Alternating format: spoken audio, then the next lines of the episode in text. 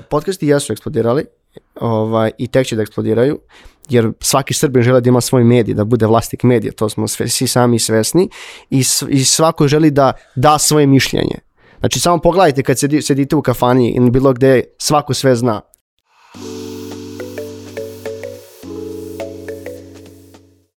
Ćao ljudi, dobrodošli u još jednu epizodu netokracijenog Office Talks podcasta. Ja sam Marko Crnjanski, a pre nego što krenemo, samo mali podsjetnik da se subscribe-ujte i preplatite na naš kanal, upalite zvonce kako biste bili u toku sa najnovim informacijama, a naš Office Talks možete pratiti preko Google podcasta, Apple podcasta, Deezera i od skoro Spotify-a. Ideja ove epizode jeste da nekako sumiramo i rezimiramo tekuću godinu sa strane IT industrije i digitala, zato su sa mnom ovde kolega Marko, Marko i Milena.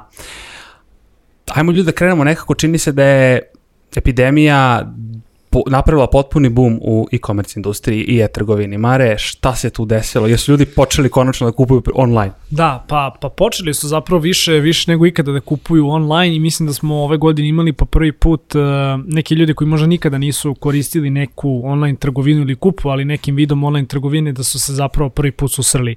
To je naravno veoma, veoma dobra stvar, poželjna stvar, A, volao bih a, da negde ovaj krajem godine možda i sumiramo ovaj sa nekim zvaničnim podacima koliko je zapravo verujem da će da kažemo ovaj sigurno neki zvanični ovaj zvanične institucije zapravo da izađu da. sa sa tim podacima možda Narodna banka Srbije ali a, vidi se taj neki primetan skok a, sve naravno u prvim danima pandemije što se kupovalo u nekim fizičkim prodavnicama nakon što su one zatvorene, gotovo sve se preselilo online i ono što je postojalo i ono što je za jako brzo ovaj vremenskog perioda zapravo postalo da može zapravo negde dignuto na web i onda odatle moglo negde da se kupi online.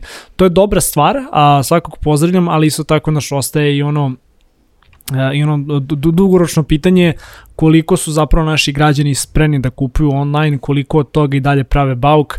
Ne treba negde skrenuti sa, sa teme da mi opet jesmo nacija ljudi koji svoje negde platne kartice koriste tako da odu svakog prvog do bankomata i da podignu novac.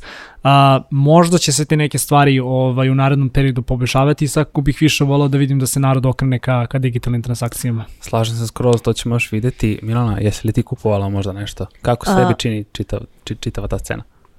Definitivni boom za e-commerce u Srbiji. Sećam se naslova koji smo imali kada se uh, kada je krenula pandemija i taj ogromni rast e-commerce bilo je samo je jedna pandemija bila potrebna Srbima da nauče ono da postoji online trgovina i to je sjajno, mislim da je to super prvi korak i postavljanje nekih navika koje će ono u budućnosti se više uh, koristiti, s tim što ono što meni i dalje smeta iz ugla korisnika koji nije nešto naručivao online, jeste problem uskog grla kurirskih službi. Mm -hmm. uh, smatram da u tom segmentu, barem ja kao korisnik, nisam se osetila dovoljno necenjeno, ali mislim da moje vreme nije toliko uvaženo da ja mogu da čekam kurira dva dana, tri dana, da mi kaže da će ja. doći prekjuče, da mi dođe sutradan, tako da mislim da je tu prostor za napredak domaćeg e-komerca, tako da to je ono što bih ja podvukla.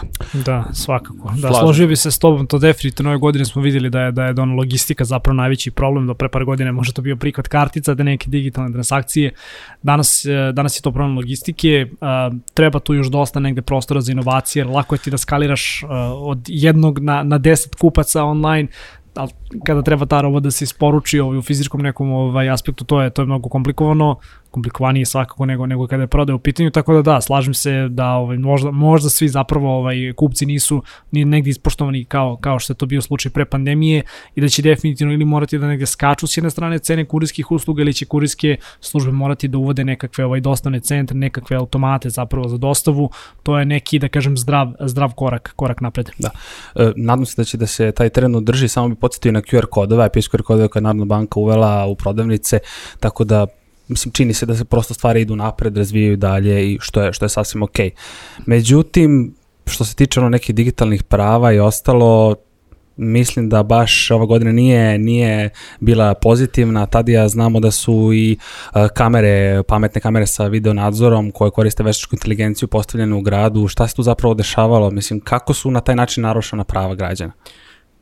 Pa, negde, uh, kad je ova pandemija krenula i uh, nekako imamo stiče se osjećaj da su tvoja pojedinačna prava možda ugrožena, možda ti to ne vidiš, ali je, je sa vanrednim stanjem i sa nekim zakonima koji su prilagođeni pandemiji, više gleda se neku kažem, da država bude zaštićena, ne lično pojedinac, tako da smo imali neki par situacija koje možemo da karakterišemo kao atak na našu negde ličnu bezbednost, e, ne u smislu da će s nama nešto desiti, ali da nas neko posmatra, tako da je Share fondacija, bio je Danilo kod nas u podcastu, je pričao baš o tom hiljadu kamera sistemu gde su uspeli e, da mapiraju gde se nalaze sve te kamere uz pomoć ljudi koji su javljali, Znači, to je sistem da je Beograd pokriven tim savremenim kamerama koji u svakom trenutku mogu da prepoznaju uh, na naše lice ili da ne- nekako bukvalno da vide šta radiš u svakom trenutku. Naravno da će vlada se pravda da je to kako bi u nekom slučaju nekih kriminalnih dela ili slično mogu lakše da nađu očevica, mada do sada nisam siguran da su, da se baš koristilo samo i za to.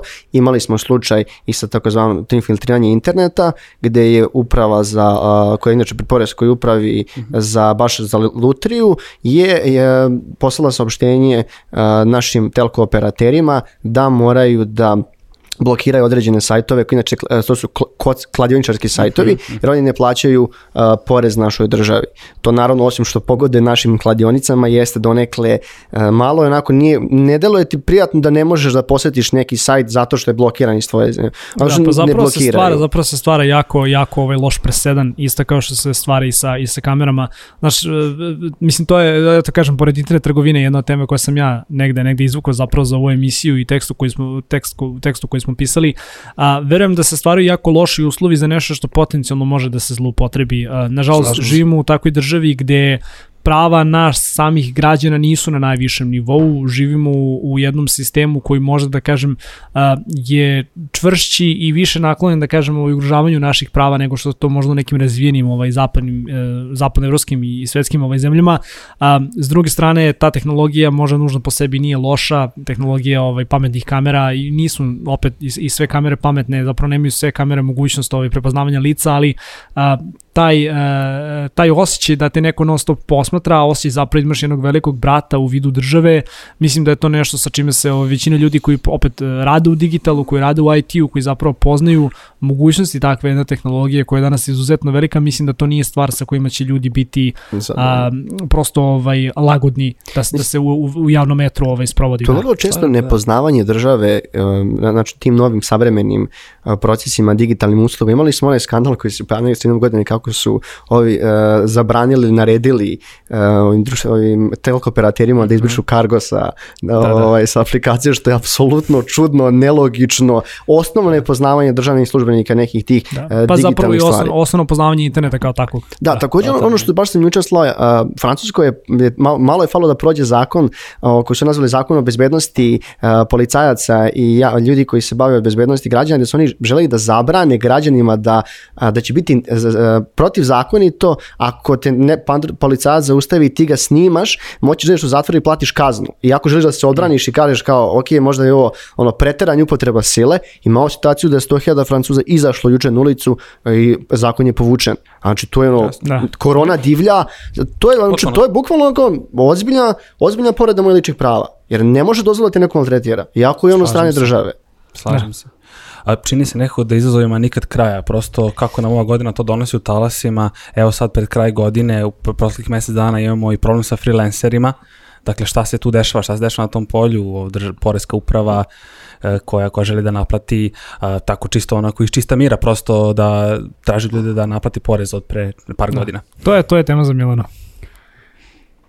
Sećate se, pisali smo pre jedno dva meseca da je Poreska uprava uputila poziv svim fizičkim licima koji primaju uplate iz inostranstva da pošalj, da podnesu svoje poreske prijeve i to u stvari predstavlja početak uh, pokušaja države da freelancere uvede u legalne tokove s tim što ono što je moj stav jeste da to ne radi na adekvatan način. Zašto? Zato što pokušava uh, da naplati porez retroaktivno, što je naravno sasvim legalno, ali pokušava da im naplati i poreze i doprinose koje nisu imali, koje im verovatno neće priznati unazad, tako da je to jedna velika borba koja čeka ceo taj sektor, uh, s tim što postoji veliki broj freelancera u Srbiji, oni su značajna grana naše digitalne privrede, prosto to su ljudi koji su profesori engleskog, programeri, neko ko učestvuju u game developmentu,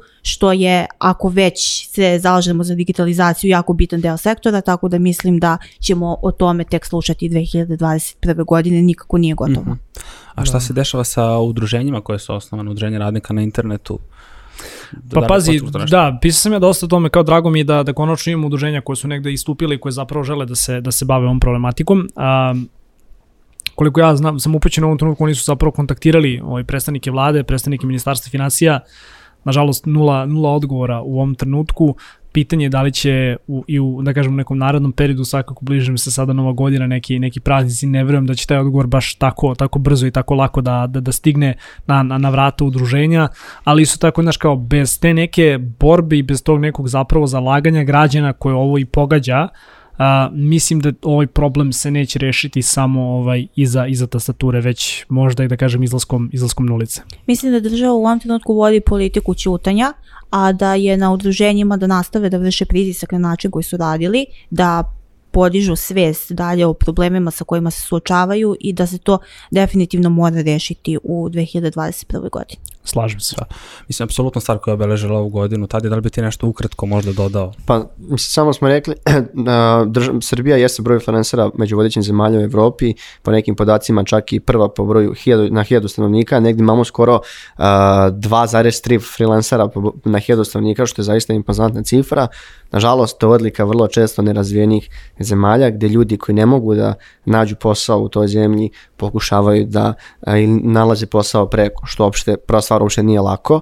Tako da uh, mislim da nas čeka uh, nakon dosta, ne kažem turbulentno, ali ćemo svakako morati da, taj pitanje će morati da se reguliše iz čistog razloga što je to veliki to je, uh, nije mali broj stanovnika koji se bavi freelansom, a to nisu male pare za državu, naravno porez treba da se plati, ali treba da bude neki, kažem, pravičan porez, jer ne da im uzme neko 50% uh, prihoda i smatram takođe uh, da, je, da se te, te pare se unosile u državu, trošile ovde, to su mladi ljudi koji nisu otišli da budu bošt, da rade na bošteli gastarbati, nego su otišli u Srbiji, imaju tu mogućnost i ako se hvalimo digitalnim radnicima da su se sami izdigli, ne treba da sečemo tu granu, nego jednostavno treba da je dodamo letar u leđa i da ubiramo plodove. Mislim, to je logično razmišljanje. Porez mora da se plati, sad da li je fair naplati nekom pet godina, mislim da nije i da treba da se nađe neko kompromisno rješenje za jedno i za druge. Godina je krize, da.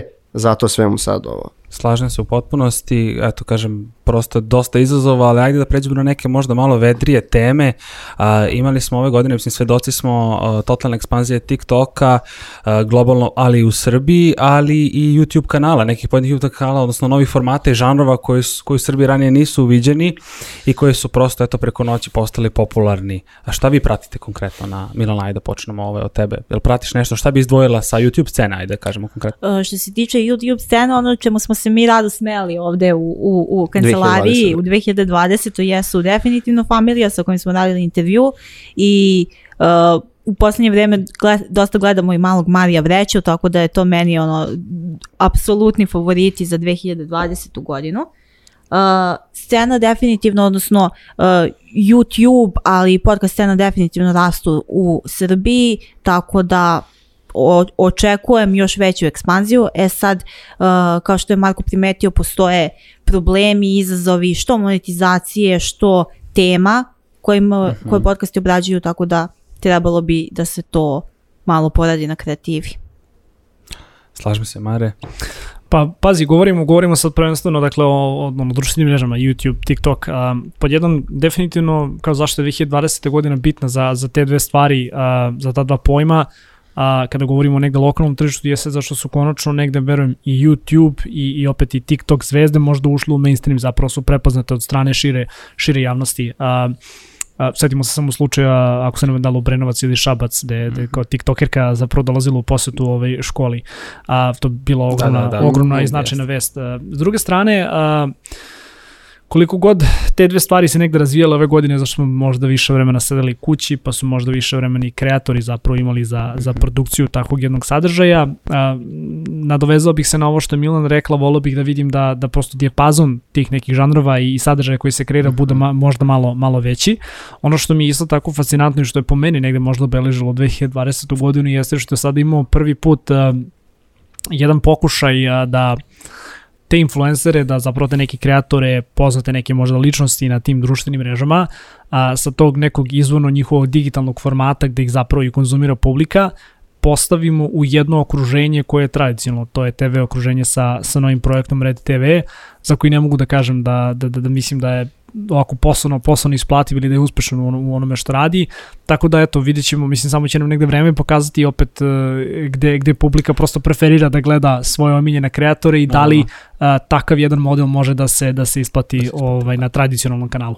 Slažem se, tad je ti baš dosta pratiš TikTok scenu. Pa ja generalno pratim dosta društvene mreže jer smatram da je taj influencer marketing u povoju, prati, pa, gledajući rezultate sa stranog tržišta, gledajući neke nove kategorije se koje razvijaju, kako kreatori zarađuju, kako grade svoje brend i proizvode oko toga, čak i imamo novo zanimanje, imamo ljude koje onako menadžuju, ili kažem, ili menadžeri su svim tim mladim kreatorima. Ono, ja se ne bih složio da na, ti, na YouTube-u nema a, dovoljno šaranolikih tema.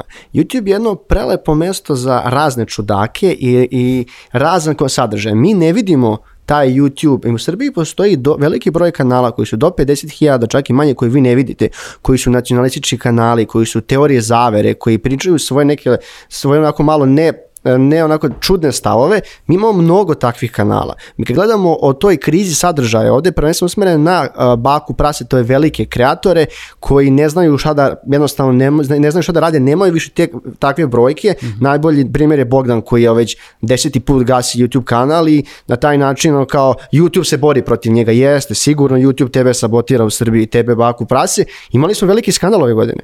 Čovjek je bio javno i dalje se vodi krični postupak jer je on već sve znamo što je rađeno s moletnicom. Tako da ove godine imamo, kao što je Marko rekao, ulazak tih uh, youtubera, tih zvezda u ovaj u mainstream, pa čak formiranje te, tele, te red televizije, što po meni vidjet ćemo da će biti apsolutni promašaj. Pogledao sam neki ljudi koji su tu, Ti, prva stvar, uh, ako neko snima na YouTube-u, to ne znači da će to, ta njegova harizma da se preslika na TV, to je prva stvar. Još Pogotovo stvar, kada, kada čitove stvari da što je ta neki ono layer uređivačke mm -hmm. politike. Da. Jeste, to mislim, to je pink za klince, to bi tako mogli da kažemo. Uh, zašto smo rekli TikTok, TikTok je eksplodirao. To je u stvari društvena mreža koja obeleža 2020. godinu. Koliko korisnika u Srbiji? Oni kažu da imaju da su došli negde najbrže došli do milijardu korisnika brže od Instagrama.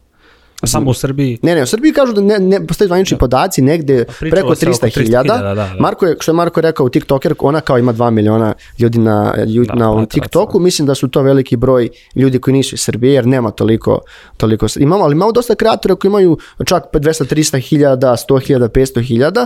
Takođe ono što je Belo eh, rekao, super način za neki za, za brendove da uh, nađu novi kanal gde će da se obrate mlađim generacijama na kojima svet ostaje i na koji, šu, koji će biti snaga potroška snaga za par godina. Slažem Tako da, da društvene mreže YouTube sve više i više ulazi u mainstream i mislim da će sve više i više dece želeti da bude kreator sadržaja, što uopšte nije jednostavno i mislim da klinac će 100% da želja želim da budem youtuber, oni svi žele da budu influenceri, ali to Naravno. nema veze s tim. E, još jedan od formata koja je bukvalno doživao veliku ekspanziju je podcast e, i ovo što i mi radimo, što je netokracija pokrenula Office Talks, a, ima tu još super emisija na internetu, uh, ajde da kažemo Milana, da li pratiš neku od njih, kako ti se čini zapravo taj početak scene sada u Srbiji, podcast koji ste, koji ste tek razvija? Uh, kad smo radili uh, jednu rubriku mojih pet početkom godine gde su naši sagovornici i dragi kolege preporučivali knjige uh, i YouTube kanale, podcaste koje prate, ime koje se stalno ponavljalo jeste Galeb i Agelas, tako da to je podcast koji bih ja izdvojila kao sjajan, takođe uh, Znamo da Ivan radi -hmm. pojačalo što da. je mislim da je pionir što se tiče tih predstavljanja malih preduzetničkih, a i da. onih većih priča, tako da što se toga tiče, što se podcasta tiče, to bih izdvojila. Uh, opet ja se sa Tadićem ne slažem što se tiče te uh, da nema krize u kreativi, mislim da kada se mm. neko uh, kada hoće da pokrene podcast, mislim da mu prvo na pamet padne hajde da radimo preduzetničku priču, iako postoji već dva, tri, četiri koji to rade. Mislim da kada radi beauty, ako radi, on će pričati o proizvodima o kojima svi pričaju, tako da mislim da tu ja može mislim da to da se... vrlo često nije tačan podatak. Problem što smo mi u preduzetništvu i naš negdje dijapazon ljudi, ljudi koji mi vidimo i koji izbacuju kod gostuju kod tih novih podcastera i slično su preduzetništvo. I kad bi ušao na podcast RS ili neku drugu platformu i kad bi čak i dođeš na Spotify i obeležiš tvoju kategoriju koju ćeš, imaćeš dosta drugačijeg sadržaja. Naravno, nama upadaju oči ti koji se, se priča, ako pričamo o biznisu mora da bude preduzetništvo, onda, onda vidiš te stvari. I kako se neko tiče kriza u sadržaju, postoji kriza kod većih kreatora. Blago sadržaja podcasta YouTube-a su ti manji kanali koji rade zanimljiv sadržaj. Nekome to zanimljiv, to nije. E, Podcasti jesu eksplodirali ovaj, i tek će da eksplodiraju, jer svaki Srbin želi da ima svoj medij, da bude vlasnik medija, to smo sve, svi sami svesni i, i svako želi da da svoje mišljenje. Znači samo pogledajte kad sedi, sedite u kafani ili bilo gde, svako sve zna. Samo to je isto pogledaj naš podcast. podcast. Pogledaj Da. naš podcast. Svako sve zna, ali međutim to je super inovativan format koji dolazi sa zapada, koji nam daje mogućnost da kažemo naše stavove. Kao određene grupi, grupe ljudi. Galeb ima to veliko medijsko iskustvo i 20 godina u medijima i on je to uspeo, e, to svoje znanje koje je stekao tih godina, da napravi taj format koji je više onako kulturni, pomalo mainstream i koji priča o raznim životnim temama. Samo sam da kažem da smo kafe mogli zamenimo viskijem. Pa možda, smo, možda smo trebali, možda smo trebali. Pijemo polako, emisiju polako, polako, Ovaj. imamo, imamo još par epizoda do kraja godine. Ne, podcasti definitivno jesu napravili ove godine zapravo veliki boom i prošle godine smo ih negde istakli kao stvar ovaj, koja će definitivno biti, biti trend za 2021. godinu, to je za- zapravo za 2020. godinu, pa o kakva je, kakva je godina bila. Da. A, ono što samo mislim da nam sada negde na nivou tržišta, a, to je zapravo da na, na, na, negde na nivou tržišta koji se zapravo bavi podcastima, samim, samim kreatorima ostaje da, da prosto probaju da negde uključuju tu tajnu form, formulu kako da bolje ili kako da zapravo ono, uopšte pokrenu monetizaciju sobstvenog sadržaja. Videli smo Patreon, videli smo, videli smo takve neke stvari, to je super kada generalno govorimo o tom nekom nezavisnom, uh, ne znam kažem novinarstvom, izdavaštvu, da, ali isto tako verujem da ova stvar negde neće moći dodatno ili dalje da se razvija bez realnog uključenja velikih brendova koji će prepoznati, pa evo vidimo i primer samog, samog ovaj, Galeba, dakle Agilas podcast, koji zapravo uspeo da privuče neke prve ovaj, dugoročne sponzore koji prepoznaju zašto i kako mogu da se uključuju u takav jedan kvalitetan sadržaj. Verujem da je to zapravo veliko pitanje koji će mnogi ovaj kreatori naredne godine morati da, da otključuju i da odgovore sami sebi ukoliko zapravo time zaista žele da se bave, a ne samo da im, da im je to neka stvar koju će možda raditi sa Mislim, strane. za sada je tu samo par igrača koji se sjajno snalaze, verujem i nadam se da će ih biti sve više i više kako vreme bude odmicalo. Ono što je isto bitno za podcast scenu jeste i dolazak Spotify-a ovde i Deezer koji je otvorio uh, shows sekciju gde se nalazi Office Talks podcast, tako da uh, ako ste niste pretplatili pogledajte. Da, da like, share, Da, da, da, da, da, da, da, da, da. ove godine i platforma OnlyFans koji si ti čovjek želeo da radiš podcast o tome, vidjet ćemo, je doživala boom. Kakav god da je, da li kakav god je sadržaj toga, to je realno doživalo boom i ove godine. Naravno. E, da tamo, tamo, tamo ne možete naći naš podcast. Osim ako ne plati da 20 dolara za necenzurisan zadržaj sa netokracija podcast. E, Nadvezujem se na to da je, mislim, kad je podcast u pitanju nekako u Srbiji dalje popularan taj YouTube format, ljudi vole prosto da gledaju video, uh, audio jeste uh, ok, ali prosto nije, nije dostigo taj nivo da... A Srbi vole lepo, pa ako još Tako je, lep vole čovjek ljudi, iza. vole ljudi scenu, Pa ovo je to, vole, da. svetlo, da. Tako da, eto. Uh, dobro, ono što bi isto pomenuo kad već prelazimo čitavu ovu godinu jeste i gaming industrija. Nekako sam je ja najčešće pratio, najviše sam i pisao o tome, imamo i zasebnu gaming rubriku, tako da bacite pogled na to.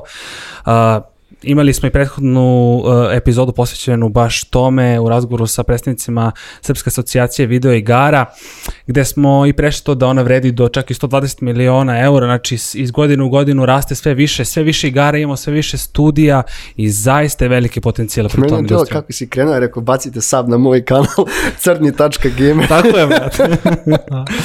O, kako vi jedan, gledate? jedan je propali gamer youtuber. ovdje, Kaže, tako da 120 minuta, ko, No, nema dobro, još bar malo nešto igram, pa ajde, kao, pa ajde, kao da pokrijem.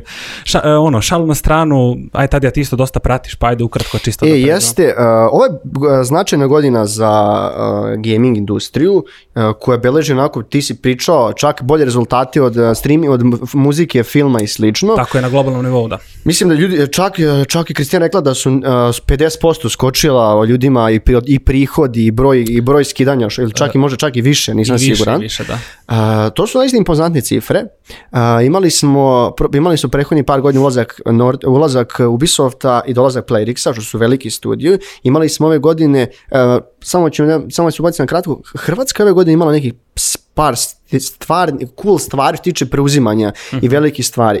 I ima, Nanobit je akviziran, da što je kažem, velika da. stvar za generalno, čak zapošljavaju po Srbiji, čuo sam Ivan mi rekao, imali su čak da je i Rimac nekim ono, Bugatti i svaka čast za njihove tržište Ako ove godine. gamingu, ajde da se držimo toga. A, upravo to kad sam kažem da a, i, a, Medhead je akviziran krajem godine. Od, od švedske Embracer Jeste, grupe. to da. je a, velika stvar. Tako da imamo skoro 70-80 gaming kompanija u Srbiji i očekujemo dalji rast uz pomoć SGA i nekih regulatornih stvari koje će onako tu da daju, da do- dodatno dele znanje, da naprave tu zajednicu, a možemo da kažemo da ta gaming industrija možda sledeća velika stvar koja dolazi iz Sr- Srbije. Slažem se. Ali Milena, čini se da možda je problem nedostatak kadrova i dalje tu. Pa definitivno jeste. Ako industrija postoji poslednjih i razvija se poslednjih 10-15 godina, naravno da mi nemamo toliko velikih igrača, nemamo toliko uspešnih priča i dalje, iako imamo sjajne timove i sjajne ljude koji rade na tome, tako da nam nedostaje iskustvo. Mislim da što se toga tiče možemo da ga uvezemo iz inostranstva i da te sve velike akvizitore pitamo ih za stručnu pomoć i podršku. Uh, super je i to što su pokrenuti neki master programi koje će uh, klinci i sve one koji interesuju učiti o tome kako teče i sa biznis strane proces razvoja igara, što je sjajno. Za to naravno treba vremena, ne može to da se reši preko noći, Da. ali uh, Nordus Hub isto tu kao pomoć Da. malim timovima. hubovi su jako bitni u svakom slučaju, tako da dok ne budemo mo počeli da se okupljamo fizički, sjajno je i meetupi koji i webinari i tako te neke edukacije koje se rade online, tako da, Da. očekujem da I će to samo da biti... dodaš jednu stvar, znaš, kada govorimo o, o srpskoj gaming industriji, evo koliko već dugo pokrijam negde, negde na startupe zapravo i IT ovde u Srbiji, dugo godina se govorilo o gamingu onako, znaš, malo, malo, malo, s malo određenom dozom nekog ruganja. Da. A, uglavnom su u fokusu, pa čak i kad pogledamo sa strane ono investitora i negde timova u koje su ulagali, uglavnom su ulagali u SaaS alate, ulagalo se onda, kažem, neka tehnička rešenja. Gaming je negde za, za naše, ne mogu kažem za naše investitore, ali za investitore koji su investirali u timove u Srbiji, uglavnom bila dosta, dosta rizična kategorija. Pa vidimo i da pored tog negde rizika i pored toga što su timovi zapravo ovaj, koji su i pokrenuti morali negde da se finansiraju sami, dakle od onoga što zarade to su, to su natrag ulagali u, u, u, u kompanije, vidimo da imamo neke zaista velike uspehe ovde, mislim ne, ne, ne treba zaboraviti da, da je i Epic isto tako prisutan kroz Epic Games, da je prisutan kroz Trilateral, pa evo pisali smo ove godine da su kupili i veliku parcelu gdje će se graditi zapravo novi, novi ovaj da kažem Epicov kampus baš, baš u Novom Sadu, a, to su neke velike stvari koje ćemo naravno pratiti u narednoj godini Sigurno. i opet dodatno pozicioniraju a, srpsku gaming scenu i veoma mi je drago da ovo nije više stvar, a, ono, izolovan slučaj par nekih timova, već zapravo po jedan velika rubrika na netokraciji, a pod broj 2 može čak i veća industrija nego neke stvari o kojima smo prehodnih godina pisali, jer ovo je ono the next big thing i definitivno, definitivno ćemo pratiti tu priču i dalje. Da, dobra stvar je što to proizvod i što vam trebaju e, game dizajneri, artisti, product menadžeri, product owneri, marketing, sales, ne samo programeri, što imamo mnogo, znaš, veliki, onako, veliki dijaspazon tih zanimanja što ne je. bi čak možda lako našli posao, pogotovo tako super plaćen posao da radiš na svetskom tržištu, da radiš super projekte. Mislim, m, ovo možda, možda delo banalno, ali pogledajte šta je Finsko radila sa Rovijom i sa ovim Angry Birdsom, to je njihov ekosistem toliko diglo, da su oni najbolji dovlačili bukvalno najbolji ljude da rade u Finskoj sa njima. Da. Znači, To, to- toga, toga imaš danas u Srbiji, što je super. Što je sjajna priča, mislim i mnogo mi je drago zbog toga, mislim samo o gamingu možemo da pričamo sat vremena, tako da ne bi dužili A pričali sada. smo u prošloj epizodi, da. da, naravno. Teo sam još samo da pomenem i da poznam gledalce da je, kad već prelazimo ovu godinu, i Apple Pay stigao u Srbiju, servis koji se baš dugo, dugo čekao, pojedine banke su ga uvele, a za pojedine se još čeka i odobrenje i implementacija, tako da ćemo sačekati da vidimo ono što, kak, mislim, kada je reč o Apple Payu, prosto dovodi jedno totalno drugačije iskustvo plaćanja telefonom, dakle možete slobodno zaboravite novčanik ovaj, kod kuće, ali da imate ličnu kartu u džepu, ovaj, ali možete sve telefonom da plaćate. Tako da eto, mislim da je još jedna od bitnih stvari koje treba pomenuti za ovu godinu i naravno AliExpress, Milana, sećaš se ovaj, te ludnice, eto, čisto da onako preletimo, um, prosto se nije znalo gde su sve, gde je roba otišla, no, pošto je bila prebukirana. Ne zna se, ne, ne zna se nažalost i dalje. I dalje se ne da. zna i dalje na AliExpressu shipping za neke proizvode od po 2-3 dolara, 50 dolara zapravo košta i... Da se ne lažemo, problem je, problem je nažalost u velikoj količini podataka u tome da, da, da su kadrovi u pošti ovaj, preopterećeni ono, drugim nekim stvarima, niko onako naše kablove od 2-3 dolara ne želi zapravo da se njima bavi.